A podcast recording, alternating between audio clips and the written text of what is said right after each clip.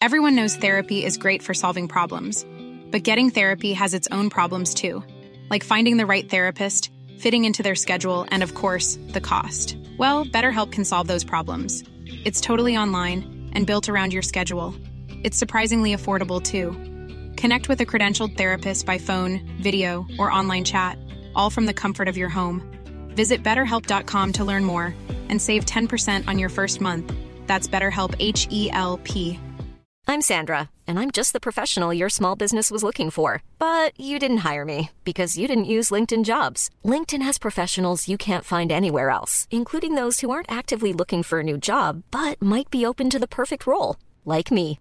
In a given month, over 70% of LinkedIn users don't visit other leading job sites. So if you're not looking on LinkedIn, you'll miss out on great candidates like Sandra. Start hiring professionals like a professional. Post your free job on linkedin.com/people today.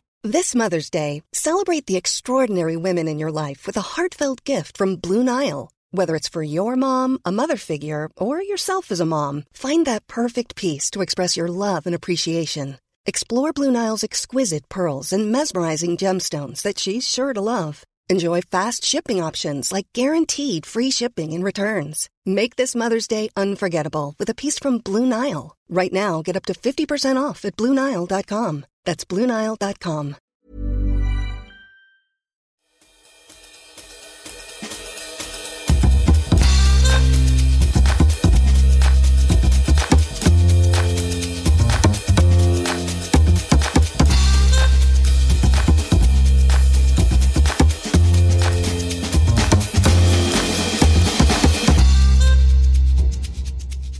Goder dager och helt enormt varmt välkomna till den här antologin av ljud vi kallar Vinskolan. Din eh, alldeles egna husdjur med alldeles för många åsikter om alkoholhaltiga drycker. Och vi som lärt oss sitta, trots åldern, är jag, Fido Mölstad och du, Cesar Mölstad. Caesar, det är här hundmat eller? Ja, Ja. exakt. Du är en klassisk vovve. Ja, ja, men precis. Det finns ju flera sådana där traditionella hundnamn, men jag kommer inte på så många. Så det blir våra namn idag. Fido är väl typ ett amerikanskt? Ja, eller hur? Visst är det. Ehm, så här då, det, vad är det då vi har sniffat upp ur marken och eh, ska ta fram i det här avsnittet? Jo, eh, du har ju kallat det här fyra vin-VIPs eller något liknande. Fyra vinvippar, det låter väl mycket Ja, roligare? har fyra vinvippar kan vi kalla det då. Och det är lite så här, jag, jag frågade dig om vi kunde ha något avsnitt med lite personer i, liksom, lite människor att haka upp saker på. Eh, och då får jag gissa då eh, av, av snabb koll här att alla personer du har valt är antingen döda eller fiktiva. Ja, Mm, svar ja. Okej. Eh, men så här, vi, vi ska prata om några viktiga personer för vinhistorien och vinvärlden i allmänhet. Vare sig de har funnits eller inte funnits, eller lever eller är döda. Det är ju svårt att ranka folks insatser här i vinvärlden Ja. under 8000 år. Eh, Men det finns ju några som jag vill lyfta fram i alla fall, som kanske har stått för eh, någonting nytt inom vinvärlden, har marknadsfört den på ett sätt som ingen annan har gjort innan, eller kommit med lite innovativa lösningar på saker och ting som plötsligt bara har förändrat det hela. Ja. Det här tycker jag kan bli en liten en följetong vi har kanske, om du kommer på flera. Ja, ja. Vi- det vi vore kör på. jätteroligt. Eh, och om jag uppfattat det här rätt då, så har vi fyra stycken eh, riktiga vinvippar. Mm. Och sen har vi två, jag vet inte vad ska vi kalla dem, bubblare. ja, Jag vet inte det, jag tycker de är very important people de också. är också very important people. Eh, bra, är det något mer du vill säga innan vi Nej, rullar igång? nej, nej, nej. Bra, då tar vi första personen. Eh, ja, då ser jag här på min lilla skärm att du har skrivit Noah. Pappa, Ja. vad menar du med Noah? Är det allmänt alla som heter Noah eller är det något speciellt Ja. du tänker på? Jag tänker på eh, en sång då. Okej, ja. Fredmans epistel nummer 35. Det är lite roligt. Eh, gubben Noa, gubben Noa var en hedersman. När han gick ur arken planterade han på marken. Mycket vin, ja, mycket vin, ja. Detta gjorde han. Den kan du. Det, ja, ja, jag vet inte, jag är i chock. Eh, men eh, kanske, jag känner igen melodin, ja. Vet du, vet du, då ska jag chocka dig ännu mer, för det finns många verser på den här. Ja. Jag ska inte dra alla, men det är lite roligt faktiskt, för Ja, att andra versen är så här. Aha. Noa rodde, Noa rodde ur sin gamla ark, köpte sig buteljer, sådana som man säljer, för att dricka, för att dricka på vår nya park. Och tredje versen blir så här då. Han väl visste, han väl visste att en människa var Hej. törstig av naturen som de andra djuren, därför han och därför han och din planterat har. Det här var inte så jag trodde, eh, eh, hade sett det här avsnittet framför mig. Men fint och tack. Ja, Eh, det här låter som gubben Noah. Noak? Noah? ja Noak eller Noah. Ja. Eh, och han är en bubblare på din lista. Bubbla. Ja. syndafloden är ju en riktig bubblare i, världshistorien, i den bibliska historien. Aha, ja. Eh, Sen om den har förekommit eller inte, det är ju mycket myter och eh, kanske viss pedagogik i det här också, i berättelsen om honom. ja. Eh, Då efter skapelseberättelsen så kanske inte folk skötte sig som de skulle. Nej. Och då tänkte han, då tar vi livet av alla genom en syndaflod. Det är inte han direkt, men han, va? Gud gjorde det. Ja, gud gjorde det. Och då blev han utsedd till att reda ut det där efteråt. Eh, Sanningen är väl att eh, det var lite pedagogiskt för folk levde vid floder och sånt där och Mm. blev översvämningar. De skulle hålla sig lite mer religiösa. Ja, jag undrar om Noah är då den här första, du vet sådana som managementkonsulter som kommer in i företag och ska rensa upp. Ja, men det, så är det nog ja. Om det var liksom han som var den, han var liksom motsvarande McKinsey fast liksom... Sen, sen har de 5000 väl spekulerat att det verkligen var syndafloder. En rolig teori tycker jag är att eh, Medelhavets eh, nivå höjdes och höjdes. Och till slut så svämmade över i Bosporen och då var liksom Svarta havet bara ett jordbruksland. Ja, okej. och svämmades över långsamt. Vad vet jag? Ingen vet. Nej. Det enda som man kan läsa ut av Bibeln Ja. är att, som någon tycker, att Noa var nog den första alkoholisten. Ah, den, den, det ska man ju vara också.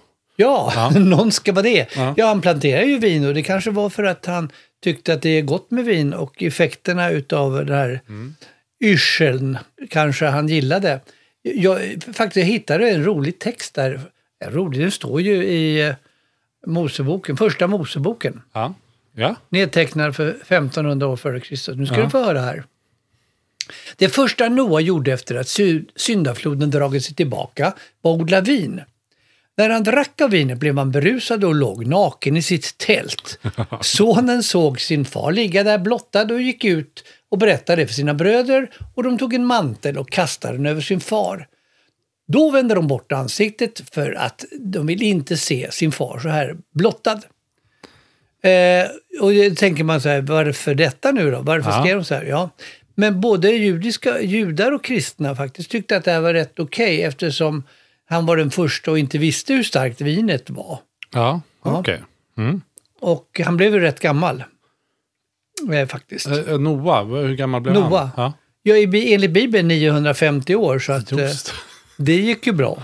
Ja, okej. Han fick inte skrumplever av det där då? Nej. Nej, man kanske bättrade sig, kanske fick en riktig sån ungdomsfylla där och så Ja. var det bra med det. Det är, det är ju det om man, om man... Det är inte för att jag har läst Bibeln överhuvudtaget, men man vet ju att i, i första Moseboken, eller i Mosebokböckerna, Moseböckerna. Moseböckerna, det är ju där de coola sakerna händer. Det där är häftigt. Mm. Sen, blir det jätte, sen blir det jättetråkigt sen. Det är i början det händer Sen blir grejer. det lite PK sådär, woke-aktigt. Sen kommer PK-Jesus. Ska vara så himla woke. Innan så delades det på hav och det var sju plågor och grejer. Men, Men, okej, eh, han... Eh, grattis Noah eh, som bubblar på listan som var den första som blev utslagen av alkohol då. Ja, men alltså vilket inflytande han hade. Den säger, Det första man gör efter en syndaflod är att Ja. Mm. plane- plantera druvor, vinranker. Det är ju en stor grej i vinvärlden om man ska se tillbaka. Ja, Det var liksom inte majs eller vete eller eh, någonting annat som man behövde. nej, Bröd. men det är väl födan. intressant då att eh, man tyckte att vin var så viktigt så man liksom skrev in det som en egen händelse i, i Moseboken. Det var det. Det finns ju hur mycket referenser till Bibeln som helst i Gamla Testamentet. Som det här är. Mm. Och det är ju lite kul att eh, det var ju faktiskt på Ararat, berget som han strandade. Mm. En bit upp får man väl tänka sig då. Ja. eh, hur mycket vatten det nu var. Och det var ju faktiskt de trakterna där man vet att vinodlingen startade i världen. Ja. För nu kanske 8-10 tusen år sedan, som man vet. Eh, det ligger ju i Armenien. ja, jag är med. Och, ja, det är lite roligt. Jag fattar. Det, Noah är lite kul. Eh, Du, eh, du fick sjunga lite. Mm, Det det är vi alla glada för. Ja, men det gick bra. Det gick fint, jättebra. Eh, om vi ska ta oss vidare av dina, dina kategorin eh, är kanske eh, eller fiktiva personer som är bubblare. Vad har vi då? Ja, vi har ju pratat ganska mycket om Dionysos. Mm. Och det var ju också innan, för jag kommer ju att komma till Jesus, det är ju helt klart. Ja. Eh, och Dionysos, eller Bacchus som han då hette i Rom, det är ju samma mytiska sagofigur, naturgud. Eh, Dionysos i Grekland och Bacchus i romarriket. Mm. Man kan säga att de skilde sig en del åt, som det blev. Mm. Eh, Men båda var enormt inflytelserika som naturgudar då. Påverkade folks eh, vanor att dricka vin. Ja. Men eh, i Grekland var det lite mera stil och elegans över det hela. Genom att man gärna skulle deklamera lite poesi när man, när man drack vin i de finare kretsarna i alla fall. Eh, å andra sidan så var, höll han ju på mycket med extas och annat. Men det hängde, alltså passion, extas, det var ju ord som då blev grekiska. Och det handlar ju om drama, tragedi och alltihopa som Dionysos eh, anses ha varit upphov till. Mm, det kan ju hända fortfarande om man sitter på en sån sen vinkväll att nu, nu deklameras det poesi. Ja, men vem gör inte det? Och så säger man, sluta Filip, vi håller på att prata om något annat nu. Ja, men alltså om man börjar lite och dricka lite Chateauneuf-papp så ligger det ju nära Då till hamnar man rätt där Ja. i poesiträsket. Ja. Eh, men eh, vinet var också en, en del av läkekonsten, eh, som greken i alla fall. Det är roligt. Medan då romarna satte igång med bakanaler. Det här var också före Jesus, Jesu-tiden. Du har pratat om bakanaler innan, men bara vad snabbt, vad är det? Det var väl en typ av orger eh, i samband med vindrickande som de höll till med runt i Rom och i skogarna och sådär. Orger i största allmänhet. Som de förbjöd. Men eh, ja, romarna blev väldigt bra på att odla druvor och göra vin i alla fall. Ja. Kanske med tanke på att de här bakanalerna satte igång någon, någon känsla, någon vilja att vin är inte bara orger när de förbjöd, utan det kan faktiskt vara lite kvalitet på det också. Mm, just det. Men då, det är lite samma som, alltså de, de här är ju då, eh, ledsen om jag liksom bryter eh, någon form av verklighet för er nu då, men att de här personerna som inte finns här då i början, eller kanske inte har funnits, eller representationer av någonting, eh, visar ju hur viktigt vin var. Så man måste skapa antingen någon form av sån eh, eh, person som blir 950 år gammal, eller hitta på två gudar som har mycket, alltså det är väl fruktbarhet och sånt också, men som är starkt kopplade till vin. Just det. Ja, Då förstår man hur viktigt det var med vinkulturen genom historien. ja. Vin och olivolja har jag alltid sagt. Det, Utan den hade inte mänskligheten blivit till. nej. Inte den västliga i alla fall. Eh, nu har ju du hintat eh, eh, lite om en, en annan känd historisk Jesus. person. Ja, Jesus. Eh, eh, han, det enda jag känner till är att han kan göra vatten till vin. En mycket uppskattad eh, förfesttrick. Ja, absolut. Partytrick, ja. givet. Mm. Och det är faktiskt lite roligt för att jag har ju länge, alla har känner ju till han gjorde vin till vatten. Men hur gick det egentligen till? Aha. Nu ska du få höra. Jag har... Det här är Det här blir- otrolig information du sitter ja, på. visst, ja. visst. Eh, Så här var det. Jag har skrivit om det till lite modernare språk. Ja, jag gör det. Ja. Eh, Det var alltså ett bröllop i Kanan, Galileen. Och där var eh, morsan till Jesus där, Mhm. mamma alltså. Eh, Och hans lärjungar var också där. Ja, mamma Maria blir det väl då? Ja, det är det väl va? Ja. Mm. Eh, och det var bröllop som sagt. Och sen så tog vinet slut och det kände sig mamma där lite ansvarig så hon sa till Jesus att Jesus, du som kan allt, kan inte du fixa lite nytt vin? Uh, Okej, okay, sa Jesus. Uh, det är ju bara att fylla de där stenkrukorna, uh, kanske var från Stockholm, Ja. där borta med vatten och sen är det klart. Ja. Oj, tänkte tjärnarna, vad är det som händer? Vad baha? Ja. Och, men de gjorde det och sen började de servera ur krukorna och det var faktiskt vin i dem då. Jaha. Och eh, han då, värden på bröllopet, han tyckte det var bra fixat av tjänarna. Ja. Eftersom det här nya vinet var mycket godare än det de hade haft innan. Ja. Men eh, tjänarna bara sa så här, ja visst jättebra, sa de. De sa ingenting om att Jesus hade blandat ihop det där. Ja. Eller, eh, ja, hur det nu gick till. Ja, alltså eh, jag känner mig ju extremt eh, eh, icke påläst här nu. Men är, är det här sant? Eller är det sant? Är det, strunt i det. Är det här berättelsen på riktigt? Ja, så Det är det. det. I lite modern form. I lite modern form, okej. Ja. Jag tänkte att jag skulle anpassa det Ja, till det målgruppen, eh, nämligen min son. Det, ja, tack. ja, det visste jag faktiskt inte. Nej. Men han höll ju på mycket med, med vin och bröd och den sista måltiden var ju faktiskt vin och bröd. Mm. Och det blev ju sedan en nattbardsritual då, att Just Mm. dricka vin och bröd. Och det kan man ju säga att det är hans stora insats när det gäller vinkulturen, att han befäste eh, liksom vinet som, ja, vad ska man säga, riktig hörnpelare inom kyrkan, Mm. den kristna kyrkan. Just det. Ja, Överallt ja. i kristna kyrkan i hela världen. Ja, och sen dess har ju vinet varit förknippat med, med just den religionen. Ja, det kan man ju. Det är ju intressant att man tänkte att så här, kanske i vissa kulturer och sådär så hade vin försvunnit helt om det inte var kopplat till religionen. Att så här, ja, alla kyrkor var tvungna att ha vin där, för det ingick i vissa Ja, liksom, ritualer Ja, eller vissa grejer. Och sådär. Mm.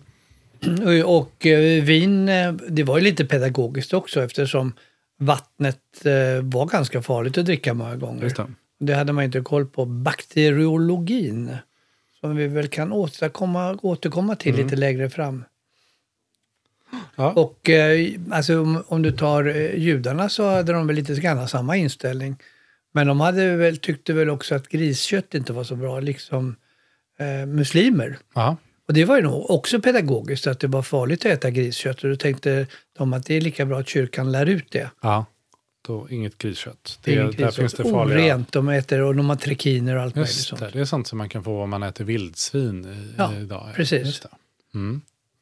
Eh, så Jesus, han, gillar, han gillade vin och eh, var en viktig vininfluencer i den här eh, boken. Right, Bästsäljaren Bibeln. right. Ja.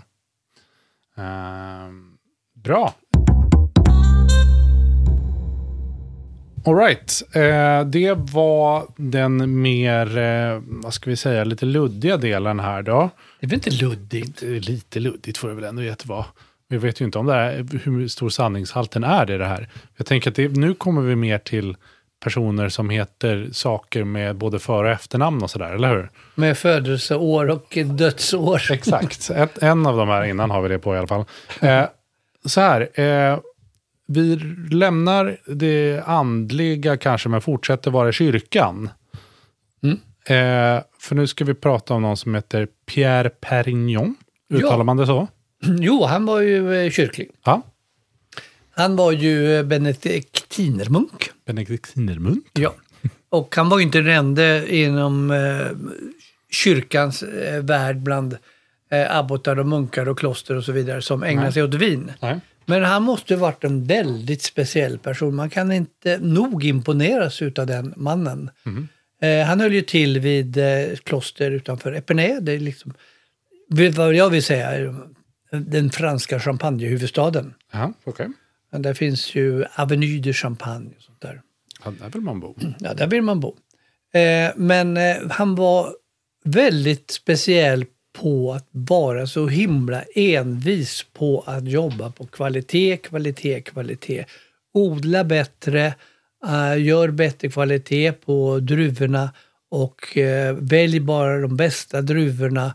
Blanda det på det sättet så att det smakar bättre Han måste helt enkelt varit en jäkel på sensorik. Ja, jag fattar. Eh, och det, det sägs ju att han, han till och med kunde klämma på en druva och tala om från vilken vingård den kommer.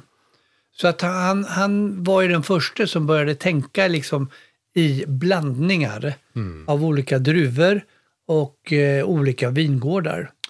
Sen är väl inte riktigt alla överens om det var så att han blandade vinerna, att man gjorde vinerna först som de gör idag. Och så blandade de ihop dem till rätt. Eller om han valde druvorna från olika vingårdar och blandade dem och pressade dem ihop. Men den här Pierre Perignon då? Dom Perignon. Ja, precis. Det är Dom Perignon. Det är det ja. Mr Expensive Champagne idag. Yes. Ja. Eh, det är ju intressant att, att, att alltså så här, folk höll på väl väldigt mycket med vin, men kanske fram till en viss nivå då. Och att han var en av de som lyfte det ytterligare ett steg. Alltså som nattvardsvin så var det nog mycket så här good enough. Ja, okej. ja. Det är bara det funkar som nattvardsvin så mycket. Det stod inget i, i, i Bibeln om kvalitet. Nej. Nej. Nej. Det, det är roligt också eh, att eh, det sägs att han blev blind på gamla dagar. Jaha. Ja. Och så, snacka om motsägande uppgifter. Men det var någon som då säger så att nej, det var han nog inte.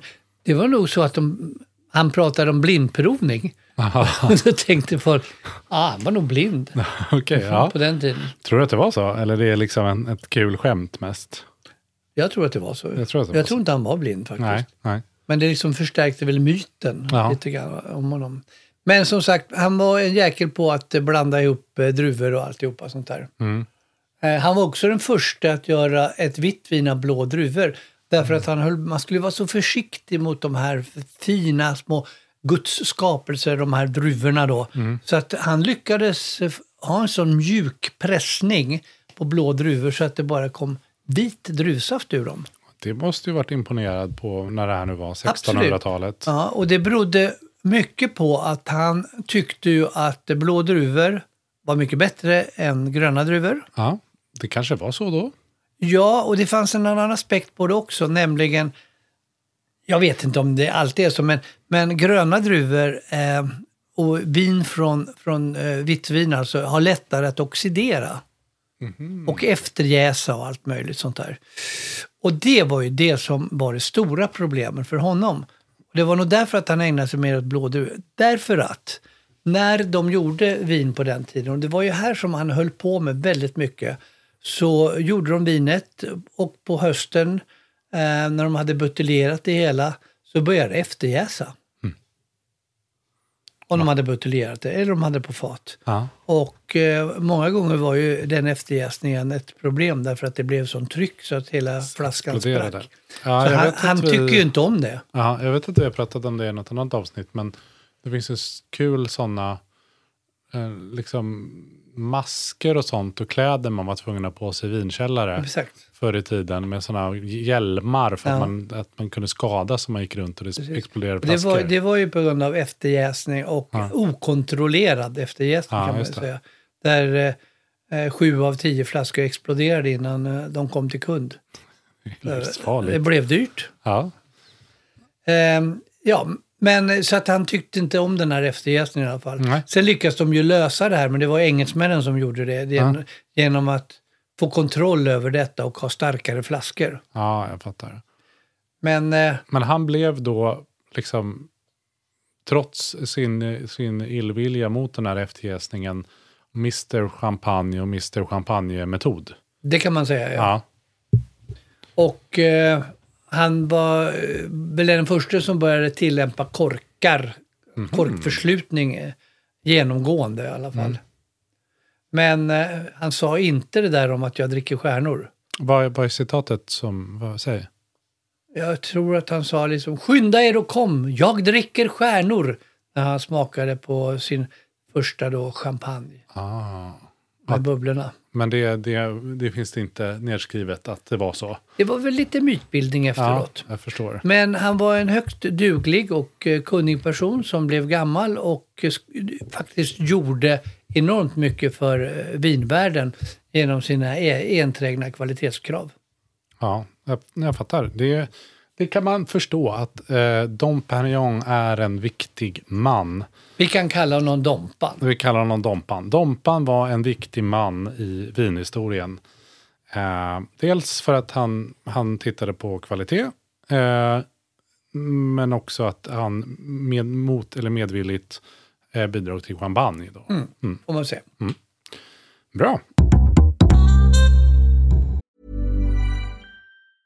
Hey, I'm Ryan Reynolds. Recently, I asked Mint Mobile's legal team if big wireless companies are allowed to raise prices due to inflation. They said yes. And then when I asked if raising prices technically violates those onerous two year contracts, they said, What the f are you talking about, you insane Hollywood ass?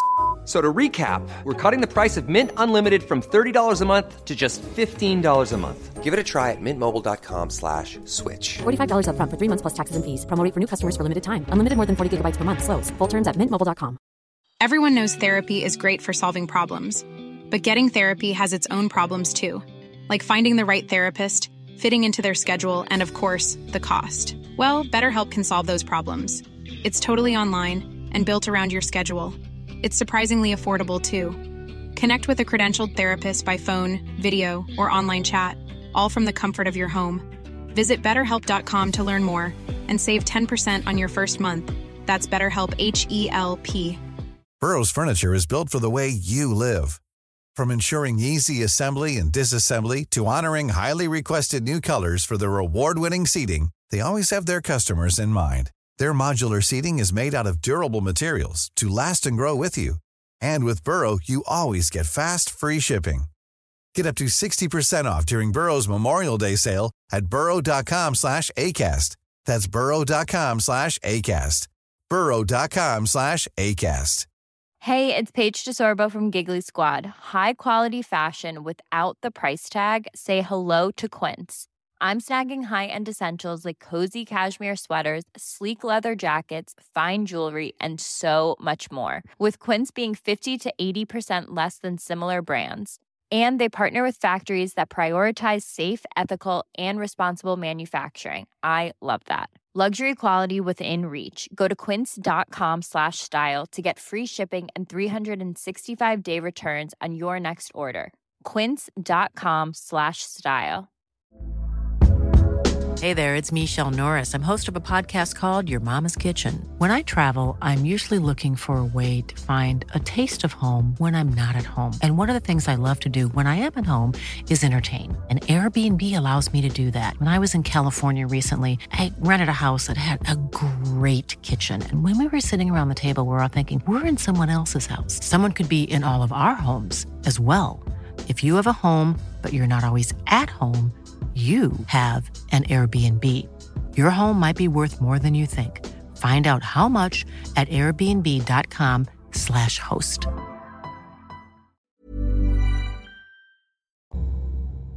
Ja, sen ser jag här att du har skrivit upp en president. Ja. En amerikansk president. Ja. Du är ju bra på amerikanska presidenter. Är det? Jag tänkte prata om Thomas Jefferson. Ja, just det. Vad var han för någon? En, ja, alltså, jag, jag är osäker. Han var väl en founding father. Yes. Eh, han... Eh, ja, jag, jag kan inte mer om det. Han var president också. Ja, jo, visst. Det, Det blev han ju sen Ja. i alla fall, den tredje. Mm. Men, och en kändis på den tiden. ja, ja. Superkändis. får man ge om man är president, ser man. en Ja, men det, ja, jo, jo, det är inte alla presidenter som blir superkändisar. Ja. Eh, men han var en stor vinälskare. Ja. Och det upptäckte han när han kom till Paris. Han, hans fru dog, då tänkte han nu kan jag lika gärna åka till Paris Ja. och bli amerikanskt sändebud där. Mm. Och då tänkte han nu kan jag också passa på att prova lite vin. Mm. Så han åkte faktiskt runt i tre månader, sägs det, eh, mellan ja, Bordeaux, Bourgogne, han var i Italien också, Råndalen och inne i Italien och provade viner bara. Ja, men, och det är så, nu är vi eh, senare, nu är vi liksom mitten, slutet 1700-tal. Ja, det, detta var innan franska revolutionen. Ja, ja. Han tyckte liksom att han skulle dra sig tillbaka lite Mm. till eh, andra trakter när det blir för busigt i Paris. Ja, ja, jag förstår. Men vad hans bidrag då var ju det att han var ju amerikan Mm.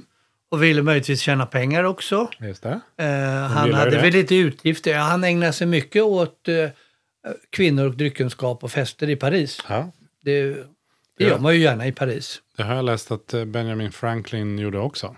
Ja, han var ju föregångare då Ja, till... Eh, exakt. men han uppfann i alla fall åskledaren.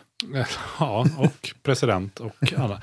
Ja, duktiga, de kom på mycket de här gubbarna. Ja. Ja, det gjorde han. De, det, liksom, det var ju mycket att komma på också. Ja. Det var inte så mycket som var Det påkommet. finns så mycket att komma på. Ja. Jag kom på bitcoin. Ja. Eh, nej, men han utvecklade vinförsäljningen eh, i världen. Den stora internationella vinhandeln. Ja, okej. Eh, inom Frankrike och internationellt också. Hur då? då? Jo, men han, han ville ju att alla skulle få tillgång till de här franska vinerna. Ja. Eh, Men insåg också att de som skeppades över till USA var ofta i dåligt skick när de kom. Ja. De skeppades på fat. Ja. Och ofta hade de på skeppen över druckit lite grann och fyllt Ja. på med vatten och allt möjligt. Hoppsan. Det var liksom inte samma kvalitet som han upplevde i USA. Eller i Paris. Därför eh, så förespråkade han att de skulle skicka över dem på flaskor. Så att det blev de första som började liksom, eh, förpacka vinet på flaskor. Mm. Buteljeringen kom till då med hans eh, hjälp och krav för att de skulle exportera det. Han var Mm. Just inte det. ensam naturligtvis, men det, det, det är lite roligt. Ja, det blev just det. Man kunde få någon form av lite bättre försäkring på att det vinet som av, avgick bryggan Ja, just det. är samma som ankom nästa hamn, så att Ja. säga. Och du minns kanske att vi pratade om en flaska då, en Chateau Lafite, det var det här med bovar och bedragare i vinvärlden. Just det, någon jättedyr. Ja, Ja. som kostade många hundratusen en flaska från Ja. 1787 vad det var. Ja. Som det skulle ha stått Thomas Jefferson på. Ja. Ingen vet om det är sant. Nej. Eh, men så var det i alla fall. Och det, det visar ju att han var väldigt tidig på att ha, Mm. ha vin på flaska. Ja, jag fattar. Ja, det, det är ju som alltid. Amerikaner, eh, de är väldigt bra på att kommersialisera saker. Så är det. Ja. Och han ville också kommersialisera amerikanskt vin. Mm. Var en stor förespråkare med, med att vi i USA kan göra lika bra vin som de i Europa eller Frankrike. Ah, mm. Kanske inte samma vin, men bra. Ja. Så att eh, han, ja, han hade gott förtroende och gott självförtroende kan man väl säga också. ja, det är ju eh, väldigt långt tidigare än faktiskt USA blir vettiga på att göra vin, eller hur? Ja, Ja, så är det. men han drog igång någon form av boll i rullning här. Mm. Jag vet att han, skrev någon gång att eh, vinet eh, var faktiskt eh, den första, eller den bästa avgörande för att uppleva smak. Hur men, vad menar han då? Bättre än mat. Vill man uppleva smak och doft så är det vin man ska ägna sig åt. Där, där, där håller du med Jefferson? Ja, ja. Där är Han blev ju Jefferson lite 83 år också så Ja, att... Eh, det är länge för att leva på 1700-talet, eller 1800-talet blir det Ja. kanske. Ja, ja, ja, man Mm. drack vin. jag fattar. Bra, bra man. Bra, schysst kille. Ja, Lyckades med mer i livet än jag någonsin kommer göra. så är det. Eh, toppen. Och sen har du eh, skrivit en, upp en man som jag inte har hört talas om i hela mitt liv. Jag ska försöka uttala det här då. Eh, Jean-Antoine Chaptal. Det är jättebra. Det är jättebra. Har du inte läst några av din fars vinböcker? Eh, det har jag faktiskt gjort. Men Jean... Det kanske slank dig ur minnet där. J.A. Chappen, som jag brukar kalla honom, eh, minns jag inte. Ja, men han är ju viktig i vinvärlden därför att han såg till att, eller som, som eh, han, han var ju politiker, ke- kemist och eh, industriman framför allt. Mm. Och eh, föreslog att man skulle få tillsätta socker. Och det, det här analyserade han fram hur man skulle göra detta i de nordliga regionerna i Frankrike då. Mm. Så att de kunde jäsa ut vinerna och få lite högre alkoholhalt. Ah, så man kunde Så de inte kontrollera stannar- det lite, eller tvinga vinet Ja. lite sådär. Om du har för lite socker i druvorna så kanske det stannar vid 7-8 procent som Ja. Mm. det gjorde i Tyskland förr. Men genom att chaptalisera som är namnet, genom att tillsätta druvsötma eller något sockersötma så Mm. kunde man få upp alkoholhalten genom att ja, gästcellerna äter ju socker för att omvandla det till alkohol. Ja. Och då fick han de här, eh, gjorde de här jätteprocenthöga italienska vinerna på 15,3 procent. Det ville han, det var han ute efter. Ja, men det var ju ett smart sätt att göra, vilket var väldigt, väldigt vanligt på Ja. den tiden. Nämligen att de torkade druvorna för att få upp sötman. Ja, just det. I eh, områden där det inte, kanske i nordliga Italien var ju det väldigt vanligt. Och är fortfarande så Okej, när ja, man det gör var en Amarone. Ja, just det. Men han, då, då, och kallar man det fortfarande chaptalisera? Eh, det här med att tillsätta... Eh, Nu är jag eh, lite gammaldags kanske, men om man ska vara korrekt i vinvärlden så pratar man om chaptalization. Mm. och det här med, om man säger uttrycket dosage. Är inte det tillsatt socker också? Mm. Jo, det, är det bara i champagne kanske? Bara i champagne, elmousserande vin Ja. enligt champagnemetoden. Okej. För att få, få det att jäsa andra gånger så Mm. har man en väldigt speciell mängd eh, socker och eh, lite jäst. Ja, jag fattar. Och så häller man det i vinet igen och då får man det att börja. Det där kan ni slänga med när ni dricker vin med vännerna eller har någon provning eller någonting så här. Ja. Eh, är det, det, hur mycket har de chaptaliserat det här kan ni säga Mm. då? Och så tittar någon sån eh, bar person på dig undrar, nu vet jag inte vad som händer. Och så känner du dig smart. Nu byter vi samtal sen. Ja, exakt. nu pratar vi om något annat. Nu pratar vi om Jesus, hur de förvandlar vin Ja. till vatten. Men är, är det, skickar man ner rent socker då? Eller var det det han gjorde? Det finns alla möjliga Ja. sätt att göra det på. Och det, det är väldigt mycket eh, lokala regler som bestämmer det där. I Frankrike är det nog olika beroende på vilken appellation det är och hur långt norrut eh, de ligger. Ja. I Tyskland har de också olika regler. Men eh, det här med att tillsätta socker då. Ett, hur vanligt är det idag? Det är ganska vanligt. Det är det? Ja. Och i nya världen vet man inte riktigt. faktiskt. Ingen vet. Jag var hos en vinproducent nyligen och kom in i vineriet och där låg det 50 säckar. Jag tänkte, vad är det här? Är det svavel? Tänkte jag. Nej, Nej. det var socker. Ja, de höll på med det. Ja. Det behöver man inte skriva ut. Eh, och, och två då, kan man, om man nu inte vet om det här, går det att smaka sig till om ett vin är chaptaliserat? Eh, vad tror du?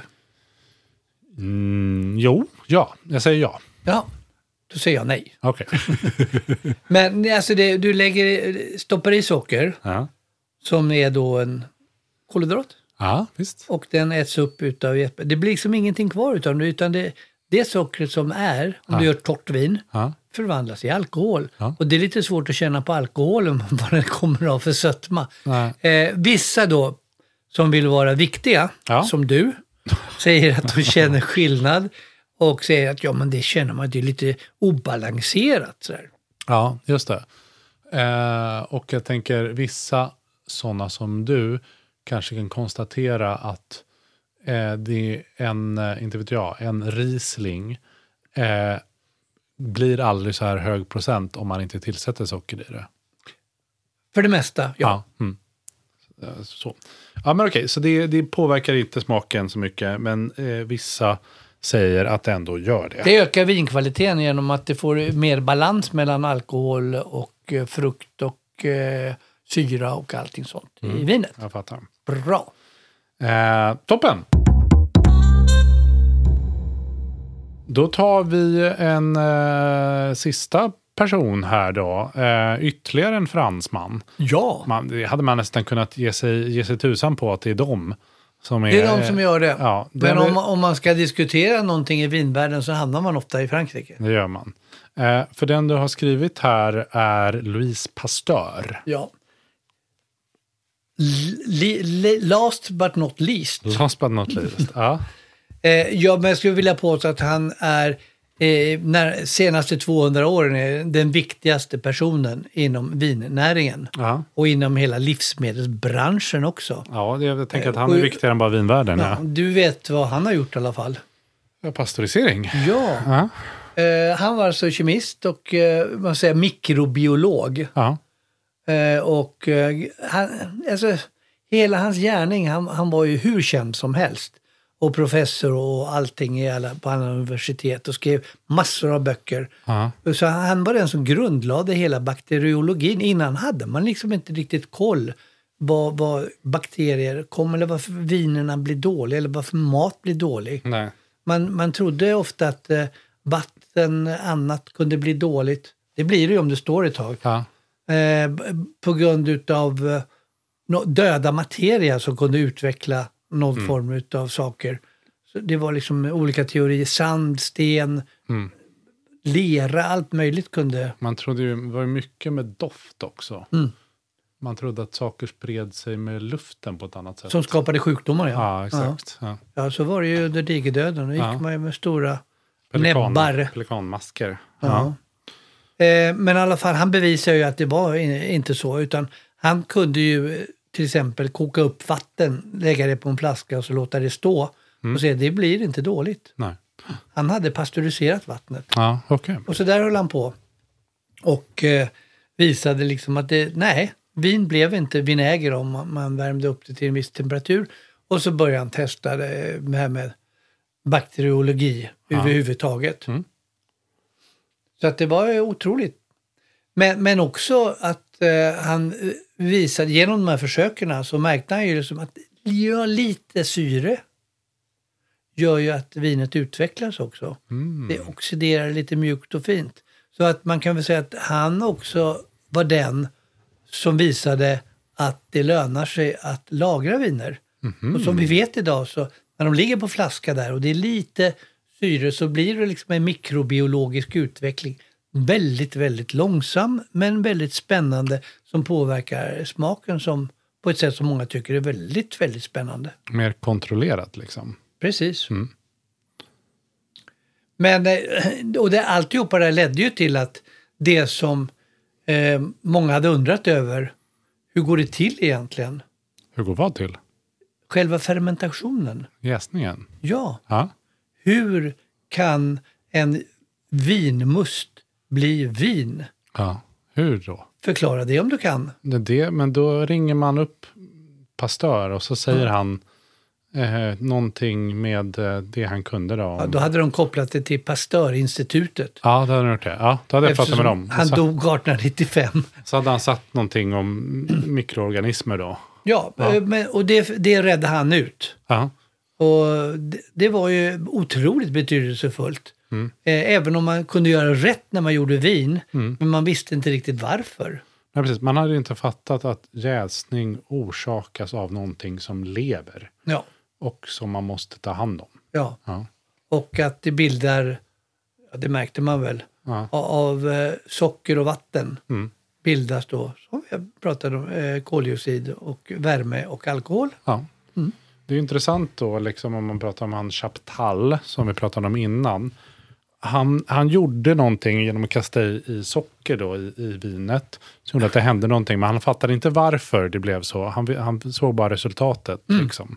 Medan då Pasteur kunde förklara vad själva processen var med alkoholjäsning, Ja. fermentering. eller Ja, kallar det. sockret, varför, varför sockret gjorde att det blev mer alkohol. Ja, men precis. Man behöver inte veta allting, det, det kan hända ändå. Ja, nej men precis. Jag, jag är ju mer då som Chaptal, att jag... Eh, det finns ju något sånt citat från en film. Eh, där en, en person frågar en, en, en Vietnamveteran, eh, vad är det för pistol du har? Då svarar han, I don't know the name of the gun, I just, knows, I just know the sound it makes when it kills a man. Eh, lite så känner jag med vissa saker. Så här, jag vet inte riktigt hur det går till. Jag vet bara att så här, Men- så här händer det. Så här går det till. Men det är väl eh, en stor del av njutningen med vin också. Ja, Man behöver inte veta hur vin görs, man kan tycka det är gott ändå. ja, ja, exakt. Det är väl härligt. Så får Ja. det väl vara. Men eh, alltså, sammanfattningsvis om Pasteur, Mm. som ju alla inser när man läser om honom, denna fascinerande människa. Mm. Eh, född i Arbois, i Djura. Men eh, eh, att hela livsmedelsindustrin Mm. har ju honom att tacka Ja. för att man kan pasteurisera saker. Alltså, vi Ja. hade ju inte kunnat dricka mjölk mer än någon dag eller så om inte pasteurisering fanns, eller öl också för den delen. ja, just det. Och massa livsmedel, processade livsmedel och sånt där hade ju Mm. också blivit mögliga bara, bara några dagar. Ja, det är ju eh, ja, viktig person. Så här, en eh, vinvipp, absolut, men också kanske en allmänt mänskligheten VIP, Pasteur. Tack Louis Pasteur för Tack. att du fanns. Tack för att du fanns och kom på det här du gjorde. Eh, tänk om det här, någon hade kommit på det här typ 2003 eller någonting. Det hade varit kul. Ja, då kom de faktiskt på hur luktsinnet fungerar. Just det. Fick Nobelpris då. Ja. De hade kanske kommit på det innan och det var ju väldigt sent. Mm. Han kom på fermenteringsprocessen i slutet på 1800-talet. Men någon hade inte räknat ut hur tungan fungerade. Typ. Nej, Nej. eller näsan var det. Näsan var det kanske. Ja. 1859 var det faktiskt. Så det tog eh, var ju 150 år emellan. Jaha. Eh, jag säger som jag gör ibland. Well done Pasteur. Ja, Ja. Eh, det var ett gäng det här.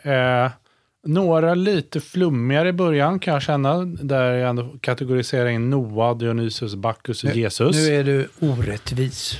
Eh, vet du vad, jag kan vara det hur mycket jag vill, för de kan inte, eller det beror ju på, Jesus kanske kan, eh, en helig anden och Gud kanske kan göra någonting åt det. Ja, nu är det fall. ju inte vissa andra i andra religioner som folk stör sig på om man nämner överhuvudtaget eller visar bilder på. Nej, det är sant, men det är mer, ja, strunt i det. Så här, tre lite, enligt mig, lite flummigare kopplingar till vin. Och sen hade vi tre personer som verkligen har fört eh, eh, vin, vinmakandet eh, framåt. Bra, Ja, sammanfattat. Bra sammanfattat.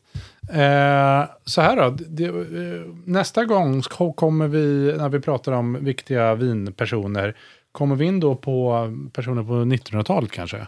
Vad tycker du? Ja, Bra, Ja. kör vi det. då gör vi det. Mera vinvippar. Mera eller vin- vinkändisar kanske mera. Ja, vinkändisar kan vi ta. Ja. finns ju många. Men då har vi lagt grunden här för kanske en ny serie i våran podd. Eh, det får vi se. Eh, men jag känner mig klar här då. Jag med. Känner du dig också klar? Mm. Vad bra. Vipp, vipp. Vipp, vipp. Eh, vi avslutar programmet så hörs vi igen om två veckor. Hej då.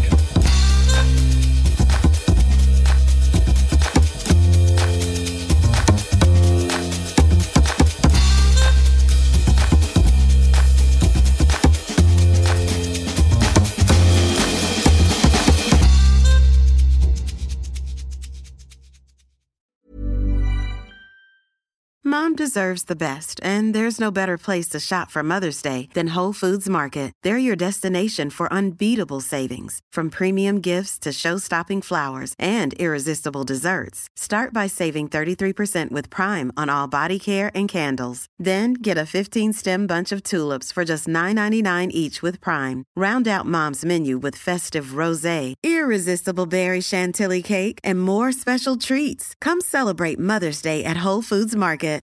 Planning for your next trip?